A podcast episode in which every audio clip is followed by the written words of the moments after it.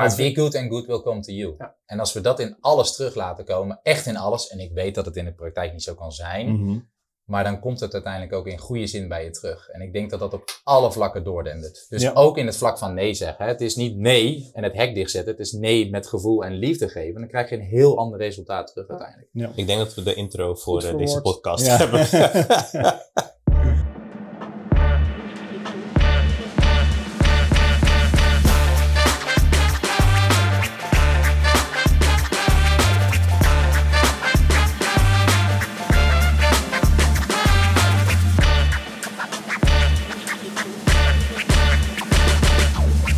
Welkom bij Ondernemen de Podcast. De podcast met verhalen van vier ondernemers die bouwen aan hun bedrijf.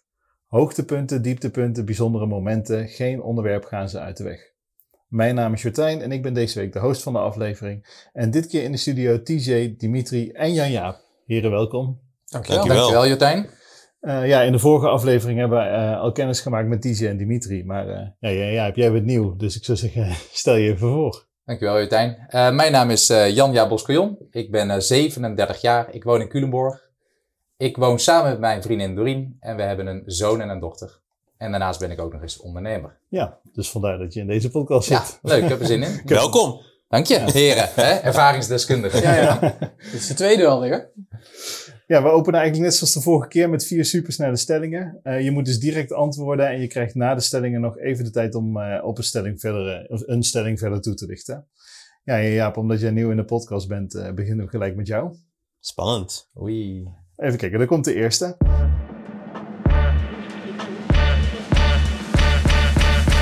De belangrijkste doelstelling van een sales is het binnenhalen van een order. Eens of oneens? Dat is een ethische. Oh, vliegensvlug. Kom op. Ja, vliegensvlug. Kom op. Eens. Eh, empathie is de belangrijkste vaardigheid van een goede sales. Ehm, Vliegensvlug. Oneens. Sales kan prima zonder marketing. Oneens. Je kunt alleen een goede manager zijn als je zelf ook het vak verstaat. Oneens. Oké. Nou, er waren er eh, twee waar je sowieso wat langer over, eh over denkt. Eh, dus de belangrijkste doelstelling van de sales is het binnenhalen van orders. Nou ja, uiteindelijk is dat het doel van een sales, denk ik. In dit Mhm. geval afhankelijk van hoe je de salesrol zou moeten bekleden in een organisatie. Kijk, als jouw doel is om nieuw business te genereren, dan is uiteindelijk het doel die order te closen en die deal Ja. te closen. Het is alleen even de vraag, welke weg leg je af om daar te gaan komen? En Mhm. daar zit het hem denk ik in. Ja. Dus als we even heel plat ernaar gaan kijken, denk ik, jouw doel is gewoon close die deal en daarna lost de rest wel de rest op, zeg maar. Ja. Eh, maar dat is natuurlijk een beetje kort door de bocht. Zijn jullie het daarmee eens? Ja. Ja, ik ben het daar wel mee eens. Zeker. Dan zijn we weer heerlijk toelichting. Ja, ja, precies. Ja, en die laatste, daar twijfelde je ook wat langer over. Je kunt alleen een goede manager zijn als je zelf ook het vak verstaat. Nou, ook daar is weer de vraag, wat versta je onder het vak verstaan? Mhm. Eh, ik denk dat je de rol als manager heel goed uit kan voeren als je snapt wat de mensen in je team moeten doen, feeling ermee hebt, maar je hoeft niet daadwerkelijk het vak zo goed te kunnen verstaan als dat de mensen in jouw team misschien ook doen. Hè? Dus stel je even voor als bijvoorbeeld consultancy manager zijnde. Ja. Volgens mij als je de mensen op de juiste manier in hun kracht kan zetten, denk ik dat je heel goed de rol van manager in kunt vullen. Even behalve als je natuurlijk een manager moet zijn die meewerkend voorman of Ja, vrouw precies. moet zijn. Ja. Dan wordt het Mm. natuurlijk een lastig verhaal als je je Mhm. vak niet goed verstaat. Ja. Dus, eh, ja. Eens. Hoe kijken jullie er tegenaan? Eens. Weer eensgezind? Of? Ja. Ja, redelijk. Ik denk, eh, je moet mensen kunnen coachen.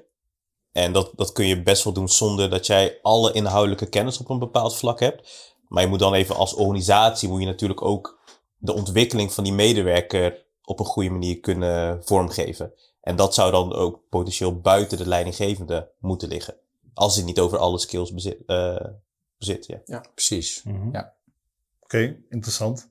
Nou, ik hoop dat het eh, bij een van de volgende stellingen wat meer gaat knetteren, maar dat, eh dat moet leuk voor de luisteraar blijven.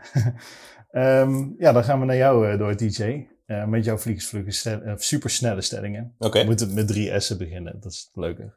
Ehm, even kijken, dan is de eerste. Een non-concurrentiebeding in een arbeidsovereenkomst is een domme keuze. Een non-concurrentie? Ja, een non-concurrentiebeding in een arbeidsovereenkomst is een domme keuze. Eens. Oké. Als algemeen directeur moet je alles weten over wat er speelt binnen je organisatie. Oneens. Uh, als je niet eerst aan jezelf denkt, kun je een ander nooit optimaal helpen. Oneens.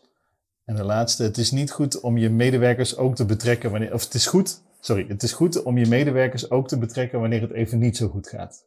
Eens. Oké. Die eerste. En dus het toevoegen van een non-concurrentiebeding in een arbeidsovereenkomst, dat is een domme keuze. Ja. ik, vind, en ik vind dit best wel een, eh, best wel een lastige. Um, volgens mij kwam dit ook als, uh, Komt ja, als vraag uh, Ja, dat is inderdaad nog even goed om te vermelden. Ja, inderdaad. Het zijn, uh, je kunt dus ook zelf je, je stellingen droppen. Dus op het moment dat je denkt van... hé, hey, ik zou graag een stelling in de podcast behandeld zien... stuur dan gewoon even een mailtje naar info.foxter.nl en dan nemen we op. Ja, deze kwam dus inderdaad uit een van de suggesties. Ja, en de reden waarom ik hem nu lastig vind... is omdat hij, omdat hij nog iets steviger in het mailtje... ik zag inderdaad dat mailtje voorbij komen... Mhm. dat het ook daadwerkelijk mensen beperkt in hun, in hun bewegingsvrijheid. Ja. En daar ben ik het wel mee eens. Je wil natuurlijk zoveel mogelijk als werkgever jezelf, je organisatie, de toekomst van je organisatie wil je beschermen. Mhm. Maar aan de andere kant, ten koste van wat moet of en mag dat gaan? Ja. uh, kijken we bijvoorbeeld naar het AVAS-netwerk. Uh, er is een zwaar tekort aan, aan AVAS consultants. Uh, dus je maakt een soort van een gentle, gentleman's agreement met elkaar van hey, we gaan niet bij elkaar continu mensen hunten. Mhm dat vind ik een, op zich een faire afspraak. Ik ga niet proactief naar, uh, naar een concurrent of collega toe en uh, daar, uh, daar zijn medewerkers weghalen. Maar op het moment dat een medewerker zelf zoiets heeft van, hé, hey, ik zit hier niet op mijn plek, ik wil naar een, in dit geval, andere AVAS-partner. Mm -hmm. En je, hebt dan, je gaat dan zeg maar jouw concurrentiebeding wapperen. Ja, dan, dan benadeel je wel echt zeg maar, mensen in hun bewegingsvrijheid. En ja. dat, dat vind ik wel kwalijk. 100% eens. Ja. Sorry Jordijn, weinig, Ja. nee, weinig Nou, ik heb wel een aanvulling hierop, want je, je zorgt ook voor, eh, voor eh, verbetering van de arbeidsmarkt, en in dit geval dan de AFAS-arbeidsmarkt, door mensen de, de vrijheid te geven om ook elders te kijken hoe het is en kennis op te doen. Anders Mhm. beperk je mensen alleen maar. Als iemand alleen maar bij eh, eh, bedrijf A mag blijven werken, Ja. maar die denkt van, nou, bedrijf A is ook beperkt, die doet dit en dat niet bijvoorbeeld. En Mhm. ik wil mijn vleugels uitslaan en meer leren en ik krijg wel die mogelijkheden, of ik zie dat die mogelijkheden zijn bij bedrijf B Ja. dan zorgen we er dus voor dat mensen groeien in hun kennis, in hun ervaring. En dat is alleen maar positief voor de hele markt. Mhm. En, als iemand bij een con-collega wil gaan werken, kan je zelf afvragen, wat is de reden die daar Precies. toe Ja. heeft geleid? Hè? Wat Ja. doen wij misschien niet goed genoeg of wat bieden wij niet, waarom iemand anders bij een concurrent wil gaan kijken? Mhm. Ja. Ja. En die is eigenlijk veel interessanter. En als je daar steeds naar blijft kijken en dat niveau van aandacht richting je medewerkers hoog blijft houden, denk ik dat dit gewoon ook heel erg sporadisch voor gaat komen, Ja, als het goed is. dat is een ontzettend politiek correct antwoord dit. maar je hebt wel Ja, gelijk. oké, ja, ze zitten er wel oprecht Ja. in. Ja, maar dat is wel Eh, mooi. Als ze nu weg willen gaan, alsjeblieft, ga niet morgen allemaal weg. Want Nee. dat is een serieus probleem. maar de- eh, ga vooral. Ja, ja, precies. Je wil niet een medewerker beperken in zijn of haar werkelijk. Precies. Eens. Mooi. We zijn Oké. eensgezind. Ja, heerlijk. Nou, dan gaan we naar jou toe door, eh, Dimitri. Jee. De eerste stelling. Als je als bedrijf niet 100% transparant bent naar je medewerkers, dan haal je er nooit het maximale uit. Eens. Eh, vriendelijkheid is de belangrijkste soft skill in 2022. Oneens. Goede leiders tonen geen emotie. Oneens. En een overambitieus doel is beter, en, eh, te, beter dan een makkelijk te halen doel. Eh, eens. Deels eens. Nee. Hm, Ja. Nee. Ja. Ah, kijk. Nou, dan Ja, gaan we, we... we hebben er één te pakken. Ja. Twee, denk ik. Eh, dus een overambitieus doel is beter dan een makkelijk te halen doel. Ja, Dus- deels eens, ja. omdat je, je moet beide hebben. Mhm. En je moet altijd ambitieus blijven in je groei. Eh, maar overambitieus, ja, wat is dat? Iets wat je niet kan halen, dus is niet realistisch. Mhm. Eh, je, moet er wel, je had wel ergens naar streven. Wij hebben ook een, een overambitieus doel als bedrijf, die we voor over tien jaar hebben. Dan begin je Mhm. ergens mee en denk van ja, nu onmogelijk. Maar over tien jaar zeker mogelijk. Dus je moet altijd blijven dromen. Je moet die stip ver op de horizon zetten, maar je moet ook voldoende stippen dichtbij hebben staan. En doelen die je wel kan halen. En dat zijn dus die, daarom deel ze eens. Ik vind het best wel leuk en, en gaaf om overambitieuze doelen te stellen. Voor mezelf, maar ook voor medewerkers. Als de mensen een droom hebben van ja, ooit wil ik dit en dat gaan doen. Of ooit wil ik eh, senior consultant worden bij ons of projectmanager of weet ik wat. Maar ik ben nu nog junior, dus ik weet dat er nog minimaal twee stappen tussen zitten. Mhm, Dan kun je daar naartoe gaan groeien. Dit Ja. jaar is het niet mogelijk. Volgend jaar misschien ook niet, maar het jaar daarna misschien wel. mhm. En dat vind ik wel heel belangrijk. Om, eh, en daarom moet je altijd wel bij, blijven dromen en, en overambitieus zijn. Nou, jullie zijn eh, jullie begonnen te piepen. Ja, ja, je hebt hem nu alweer genuanceerd. Dus Ja, dat- de lol is eraf. Ja, het was een ja-nee antwoord. Dat kan niet anders. De lol Nou, is jij bent altijd van de overambitieuze doelen, T. Dus, Zeker, eh, ja. zeker.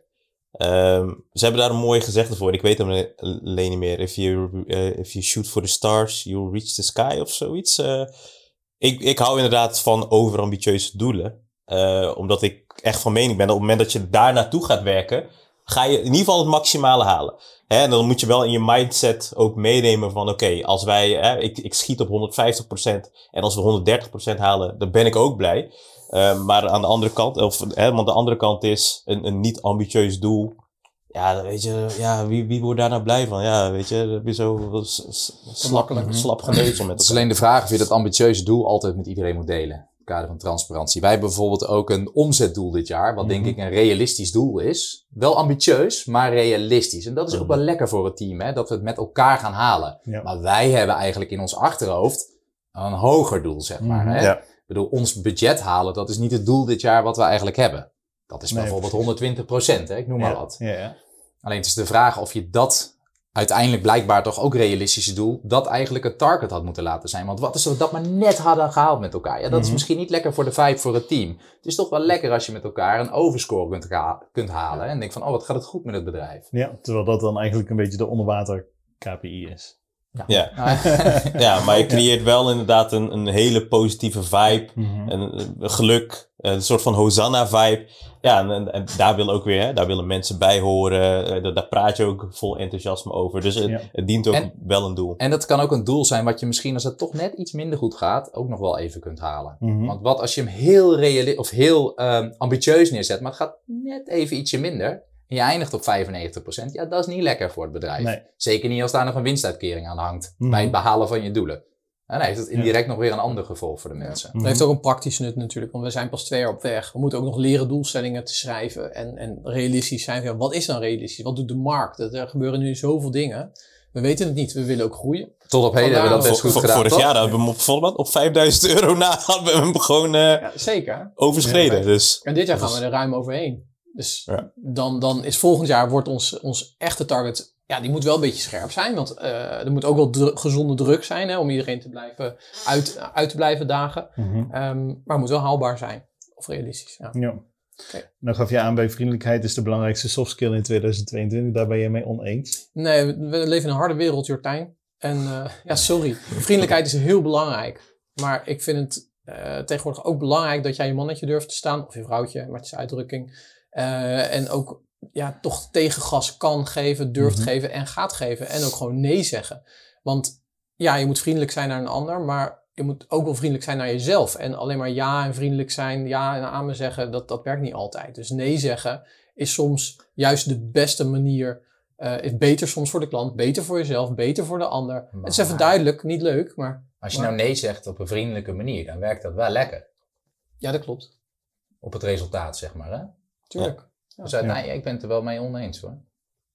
Je bent het ermee Ben eens dat eens. het oneens is. Mee, Ja, je bent met stelling ik ben, eens. ik ben eens met Jortijn. Sowieso Ja, zit ja. voor Jortijn een gevoelig onderwerp natuurlijk. Hè, omdat hij hem zelf eerder al benoemd heeft als belangrijke Nee, ja, soft skill kijk, voor maar- maar dat 2022. Deze podcast heb ik geen mening. Hè? Dus, Ah, oké. In je doen en laten moet je vriendelijk zijn. Absoluut mee eens. Maar ik, ik pak hem toch even een laagje dieper. ja. Maar be good and good will come to you. Ja. En als we dat in alles terug laten komen, echt in alles, en ik weet dat het in de praktijk niet zo kan zijn, Mhm. Maar dan komt het uiteindelijk ook in goede zin bij je terug. En ik denk dat dat op alle vlakken doordendert. Dus Ja. ook in het vlak van nee zeggen. Hè. Het is niet nee en het hek dichtzetten, het is nee met gevoel en liefde geven. Dan krijg je een heel ander resultaat terug uiteindelijk. ik denk dat we de intro voor eh, deze podcast Ja. hebben. Mooi. heerlijk, heerlijk. Heb ik je mening omgedraaid? Nee? Hoe kijk jij daar tegenaan, T? ik ben het helemaal met jou eens. Dank je. Ik ben het helemaal met jou eens oneens. Eens om oneens te zijn. Oké, nou voordat we helemaal van de structuur Dat kan geknipt worden. even. Ja, ja, precies. Oh ja, we knippen het er gewoon uit. Nou ja, heb je dus nog zelf, eh, we hebben het al eerder benoemd, heb je zelf nog een stelling die je graag aan de heren zou willen voorleggen? Dat kan. Eh, stuur dan dus een mailtje naar info.voxter.nl en wie weet hoor je jouw stelling in een van de volgende afleveringen terug. Het mogen lekkere prikkelende stellingen zijn. Hè? Ja, precies. Ja, we zijn echt op zoek naar vuurwerk. Graag zelfs. Dat, eh, ja. en dan eh, gaan we door naar het onderwerp van deze week. En dat is een ondernemingsplan.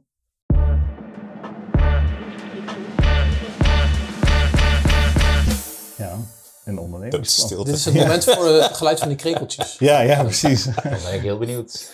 Nou ja, weet je, als je, op in, als je op internet gaat zoeken naar handvatten om voor jezelf te beginnen, dan staat er eigenlijk bijna op iedere site schrijf een ondernemingsplan. En dus dat is schijnbaar dan gewoon de basis om eh, je onderneming op te zetten. Eh, maar als je dan gaat kijken naar wat er in een ondernemingsplan staat, dan is vaak de- het eerste gedeelte dat gaat dan over jouw persoonlijke eigenschappen als ondernemer. Dus bijvoorbeeld, wat is de motivatie? Welke vaardigheden maken jou een goede ondernemer? En wat zijn je sterke en zwakke punten? Eh, maar hoe zit dat bij jullie? Kijk, dat stukje heb je wij natuurlijk aan de voorkant getackeld. Volgens mij in de vorige podcast ook benoemd, hè? De weg hoe wij uiteindelijk bij Foxter gekomen zijn. Dat is eigenlijk de juiste mensen bij elkaar zoeken. En daar Ja. heb je eigenlijk al met elkaar, zonder dat je het op papier zet, benoemd van, hé, hey, ik kan best wel veel, maar kan eigenlijk ook best wel veel niet. Mhm. Dus ik heb eigenlijk mensen nodig die aanvullend zijn op mij om met elkaar eigenlijk een goed team te kunnen vormen. Precies. Ja. Ja. Ja, mee eens. Dus, dus daar ben ik het zeker wel mee eens. Alleen is even de vraag of je dat helemaal moet uitschrijven. In de ideale wereld misschien wel. Ja. Nou, hebben wij niet gedaan. Nee, hebben we niet gedaan. Er zijn meer Dus dat is meteen het antwoord op de vraag. Ja, precies. Nou, dan wordt het een korte podcast. Bedankt voor het luisteren. Oké, duidelijk. Maar ja, goed. Een ander onderdeel in de podcast, of eh, sorry, in, het, in een ondernemingsplan is eh, de doelgroep. Mhm. En dus hoe bepaal je ideale doelgroep? Ja. Hoe is dat bij jullie eh, tot stand gekomen? Die, voor onszelf hadden wij al heel snel die doelgroep in kaart. Eén, Mhm. nou ja, we, kwa- we kwamen alle vier uit het netwerk, uit het Ja. AFAS-netwerk. Dus wij wisten al hè, de- hoe, hoe zit dat netwerk in elkaar, hoe zien de klanten in elkaar. En daarnaast hadden wij de ervaring bij, nou dat hebben we ook in, het vorige, in de vorige podcast al besproken, grotere trajecten, complexe klanten. Ehm, en voor ons was dat eigenlijk een, een hele logische keus. We hebben daar de ervaring, we hebben daar de kennis.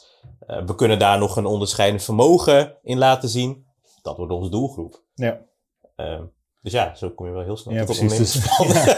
Kijk, het, wij komen eigenlijk van- vanuit een ideaal vertrekpunt, hè? Mhm. met de ervaring die je hebt. Kijk, Ja. naast Voxter hebben we nog een BV opgericht waarin Mhm. we ook software willen gaan ontwikkelen. Nou, daar zijn al een aantal ideeën, hebben daar al een stille dood gestorven. Ja. Ehm, en daar hebben we wel een ander vertrekpunt gehad. Ja. Want daar wilden we echt iets buiten AFAS gaan neerzetten. Misschien een volledig andere markt, volledig andere doelgroep. En daar Mhm. eh, hebben we wel door middel van een plan te maken, met externe partijen te praten, zijn we eigenlijk op onderzoek uitgegaan om te kijken, ja, hoe gaan we deze weg bewandelen? Mhm. Nou, en dan kom je er inderdaad gaandeweg achter, in plaats van dat je zomaar begint, dat je het misschien niet moet gaan doen. Hè, Of dat er misschien iets te veel geld bij moet om resultaten te gaan boeken. ja. En dan zou ik zeker een ondernemingsplan eh, adviseren. Om in ieder geval voor jezelf de kaders, hè, de SWOT-analyse helder te hebben. Waar liggen mijn krachten, mijn sterkte?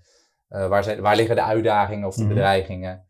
Ehm, dus ja, mijn advies zou zeker zijn dat, eh, Ja. dat goed uit te En werken. überhaupt wel is er ons. vraag naar wat jij wil Ja, gaan die doen. is ook handig. Ja. Ja. Mhm. Op deze manier Ja. werken past ook wel heel erg bij ons. hè. Wij zijn vier strijders. Mhm. Echt met heel veel ervaring, heel veel kennis. We weten wat we doen.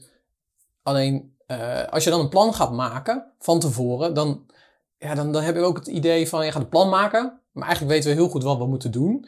Alleen nog niet goed hoe en waar, bij welke bedrijven, hoe gaan we dat benaderen. Maar iedereen is ontzettend goed in zijn vak geweest. Eh, nog steeds gelukkig. En zo heb, ik- zo heb ik het ook wel een beetje gezien. Van, hè, we gaan gewoon met z'n allen de strijd aan. Eh, en we zijn goed voorzien zelf. En we gaan het aankijken. Want we, Mhm. ja, hoe kun je een ondernemingsplan maken, ook in een situatie waarin de hele wereld niet weet wat er gebeurt. Namelijk midden in de coronacrisis. ja, ja, precies. Niemand wist wat er ging gebeuren. Eh we hadden wel plannen, pl- ja, delen uit het plan hebben we wel opgeschreven. Hè. Je hebt een financieel plaatje nodig natuurlijk. Van, Mhm. ja, wat moet je gaan verdienen om je hypotheek nog te kunnen betalen? Dat Ja, zijn wel ja, redelijk belangrijke dingen. Eh, hoe lang kunnen we het volhouden zonder enige bron van inkomsten? Nou, dat Mhm. soort dingen, daar, daar, zeg maar de worst case scenario's, best case scenario's, die hebben we een beetje uitgedokterd met elkaar. Maar niet echt een plan, want ja, de hele economie, alles stond op zijn kop. Dus het had ook überhaupt geen zin. Ja. Maar we wisten zeker van als we met z'n vieren dit aangaan, dan vertrouwen we op elkaar. We weten welke ervaring we hebben. eh, Mhm. en dat we, dat we alle uitdagingen wel echt wel eh, eh, te lijf kunnen gaan. Ja. En, nou ja, samen dat we overwinnen. En het had echt beter gekund, hè? Maar je kunt jezelf bijna dood beargumenteren om het Ja. niet te doen, zeg maar, Ja. als je helemaal uitwerken. ja, dus soms ja. moet je ook gewoon die stap gaan zetten. Ja, precies. dat maakt het ook weer zo ontzettend lastig natuurlijk. Ja. Die zekerheid heb je nooit Nee, dat dat klopt. het goed gaat komen. Nee, maar dat, goed, dat is een beetje het ondernemers gewoon gecalculeerd risico's nemen, toch? Ja, zeker. Ja, Ja. Ja, of Ja. blind risico's. En, en, en het dan wel nemen. En dat is dan ja precies. moeilijk om Ja, stap te ja, zetten. inderdaad. Want gaan. Anders hadden ze het misschien ook wel Ja. onderdenken genoemd in plaats Ja. van ondernemen. Dat zou natuurlijk ook, eh, Ja, zitten zo ter Zo. plekke, hè? Zo, dat is ook, ook een goede intro. Ja, trouwens. ja, dat, nou, we zitten vol met de one-liners vandaag. Hey, en qua marketing? Is er een marketingplan gemaakt van tevoren? Dat is jouw, eh, is jouw afdeling. Ja, het, het, begon een beetje met het verdelen van de taken. Ja, wie gaat wat doen? Ja. En ja, ik dacht, eh, nou, Jan-Jaap, doe jij de sales? Ja, dan doe ik wel maar de marketing. Ja. Ehm, niet gehinderd door enige kennis. Dus nee, er was, geen, eh, was zeker in het begin was er geen marketingplan. Uiteindelijk zijn wij, eh, ik denk een half jaar nadat wij waren gestart, eh, zijn wij eh, met een extern bureau gaan werken. Mhm. Nou ja, dan komt er wel een, eh, een plan op tafel hè, voor, voor een jaar vooruit. Wat, wat gaan we doen? Wat zijn de doelstellingen? Ja. We hebben Jan-Jaap op, eh, op sales. Nou, die moet gevoed worden. Er moeten Mhm. leads komen. Je wil iets aan, eh, qua naamsbekendheid gaan, gaan, gaan doen.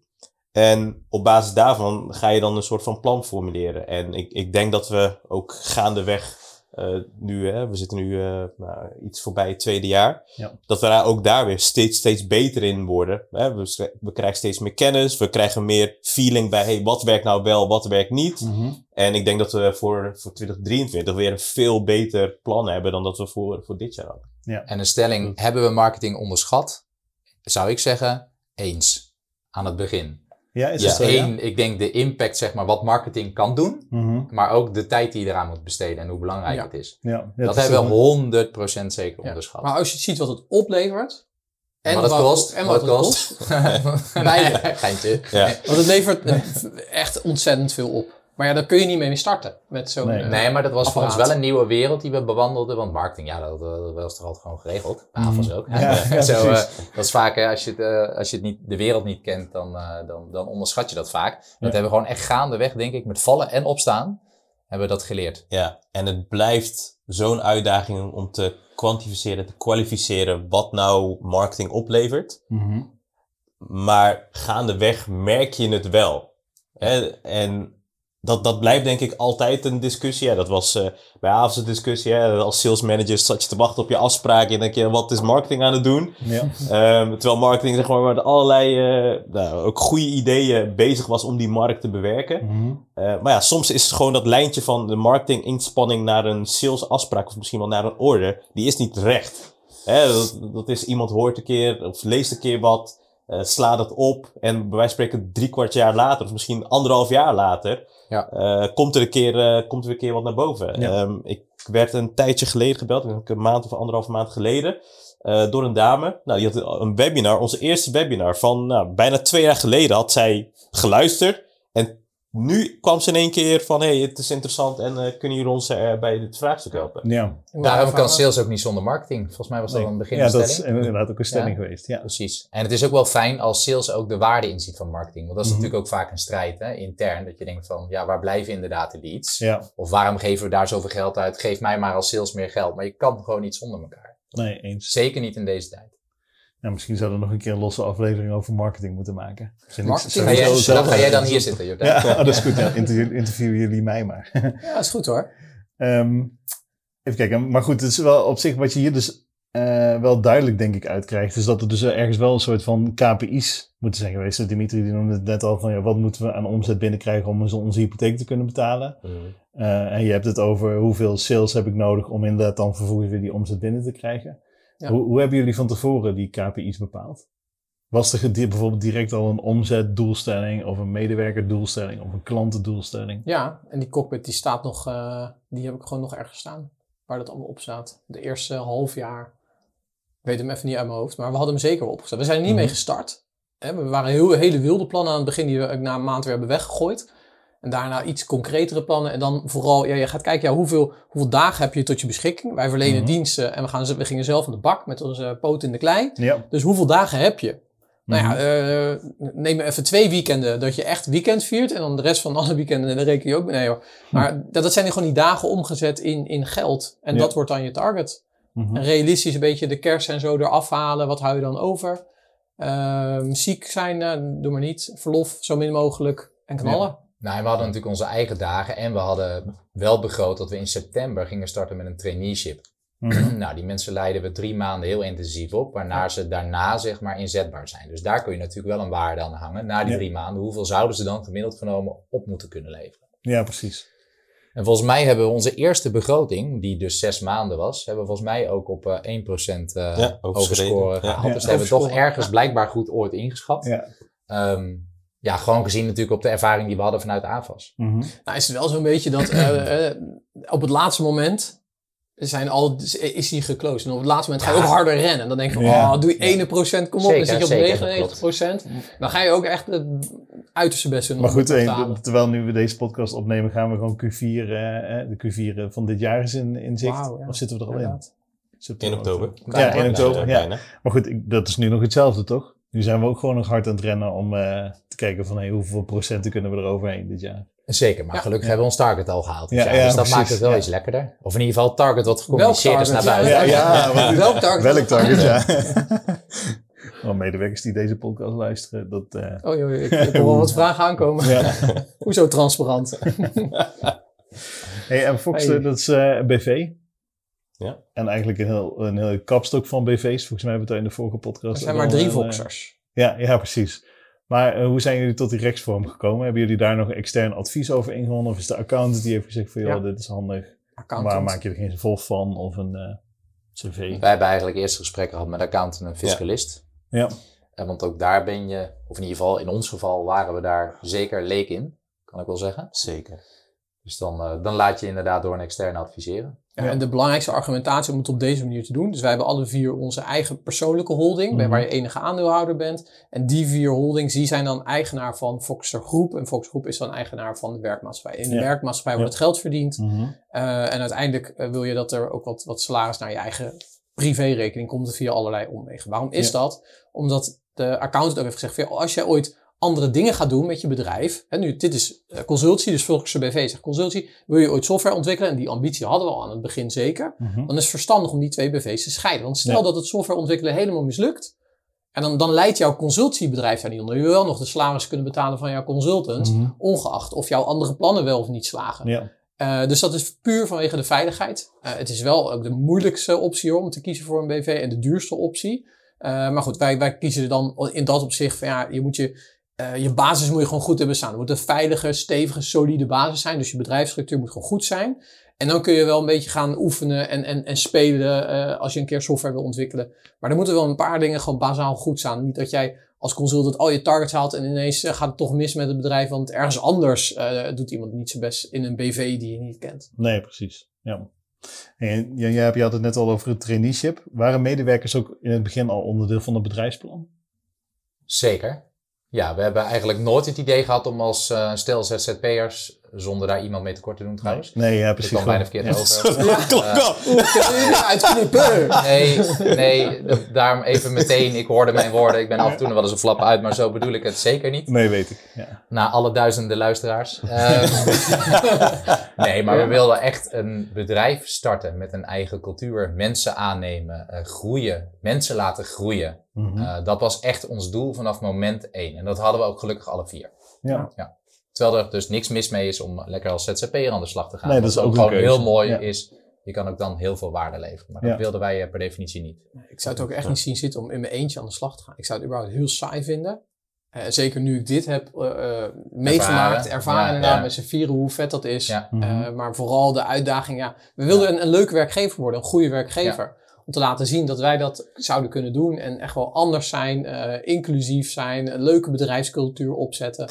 Dat is echt vanaf het begin Ja. eh, volgens mij iedereen's, ieders droom geweest. ja. Dat is uiteindelijk denk ik ook bijna, wat mij betreft, nog het leukste aan ondernemen. Het resultaat te zien. Als dat resultaat dan ook goed is. Hè. Dan heb ik Mhm. niet over het geldresultaat, Nee. het omzetresultaat. Maar het resultaat van de mensen die het werk doen. Ja. Het bedrijfscultuur die je neerzet. Precies. En daar eigenlijk elke dag van te genieten.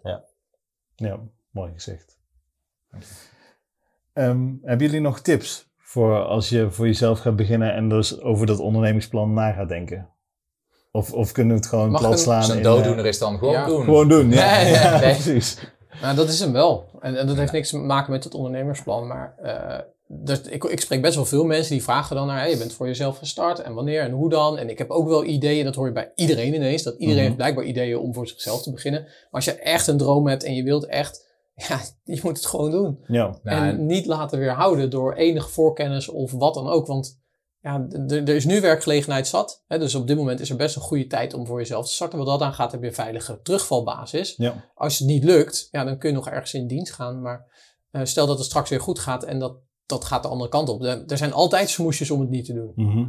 En zorg, ik, ik denk dat een van de belangrijkste is, zorg voor de juiste mensen om je heen.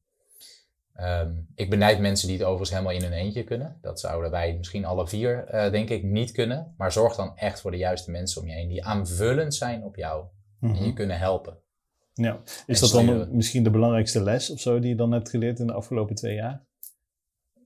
En dus eh, eh, voor, zeg maar door het bouwen van je onderneming. het is goed dat we de juiste mensen om ons heen hebben die ook het bedrijf zeg maar verder brengen. Nee, zeker. Dus als we daar kijken naar, naar onze mensen, zeg maar. Maar dat Mhm. merkten wij eigenlijk vanaf moment één. Omdat wij eigenlijk voorafgaand al merkten. We hebben de juiste mensen om ons heen nodig. En daarom Ja. zijn we ook met z'n vieren gestart. Anders hadden we misschien met, met, met z'n tweeën gestart. En waren jullie misschien ook nog met z'n tweeën gestart. We merkten al voordat we überhaupt begonnen van... Oké, we hebben de mensen om, juiste mensen om ons heen nodig... Mhm. om een goede invulling te geven aan het bouwen van een bedrijf. Ja. Je wil, je wil het ook leuk hebben hè? en je wil ook zoveel mogelijk vanuit je eigen kwaliteiten, je eigen kunnen en je eigen ontwikkelperspectief kunnen werken. Mhm. En als ik eh, zeg maar, alle taken die Dimitri nu doet ook nog zou moeten doen, dan zou ik weer zeg maar, ongelukkig zijn. En ik ben juist gaan ondernemen om maar, nog gelukkiger te worden in, in, mijn, in mijn werkbare leven. ja. En het maximaal uit mezelf te kunnen halen. En dat kan juist door hè, dat eh, Dim lekker de financiële administratie eh managt. Eh, dat is dan een Eh. deel waar ik ook zelf... eh, Heel gelukkig word je ervan, hè? Ja, Ja. ja. Maar die- Voelt zich ja. heel wederzijds. Ja, en als je dat in- ja, toch weer, als je dat allemaal in je eentje doet, ja, of je moet het weer allemaal gaan uitbesteden, eh, kost ook allemaal weer geld. Ik wil nog wel eh, nog terugkomen op dat ondernemingsplan. Ja. Kijk, wij hebben natuurlijk wel het voordeel gehad dat wij eh, het allemaal zelf hebben gefinancierd. Mhm. Heel de start. Op het moment dat jij extern geld nodig hebt om jouw bedrijf te financieren, dan heb je natuurlijk wel een goed uitgeschreven Ja, en doordacht plan nodig. Nou hadden wij het plan op zich redelijk goed in ons hoofd zitten. Mhm. Ehm, maar ja, er is best wel een paar keer, ik weet even niet meer, kan niet meer teruggaan op welke situatie, maar gevraagd van, he- heb je een ondernemingsplan? Eh, ja, nee, ja, ik heb hem hier een begroting hebben we gemaakt en that's Ja. it. En de rest zit in ons hoofd. Ja, dan kom je, als je geld van een bank of van een andere financieringspartij nodig hebt, kom je daar niet mee weg. Nee. Dus dat is wel een, eh, even de andere kant van het verhaal. Ja. Ja.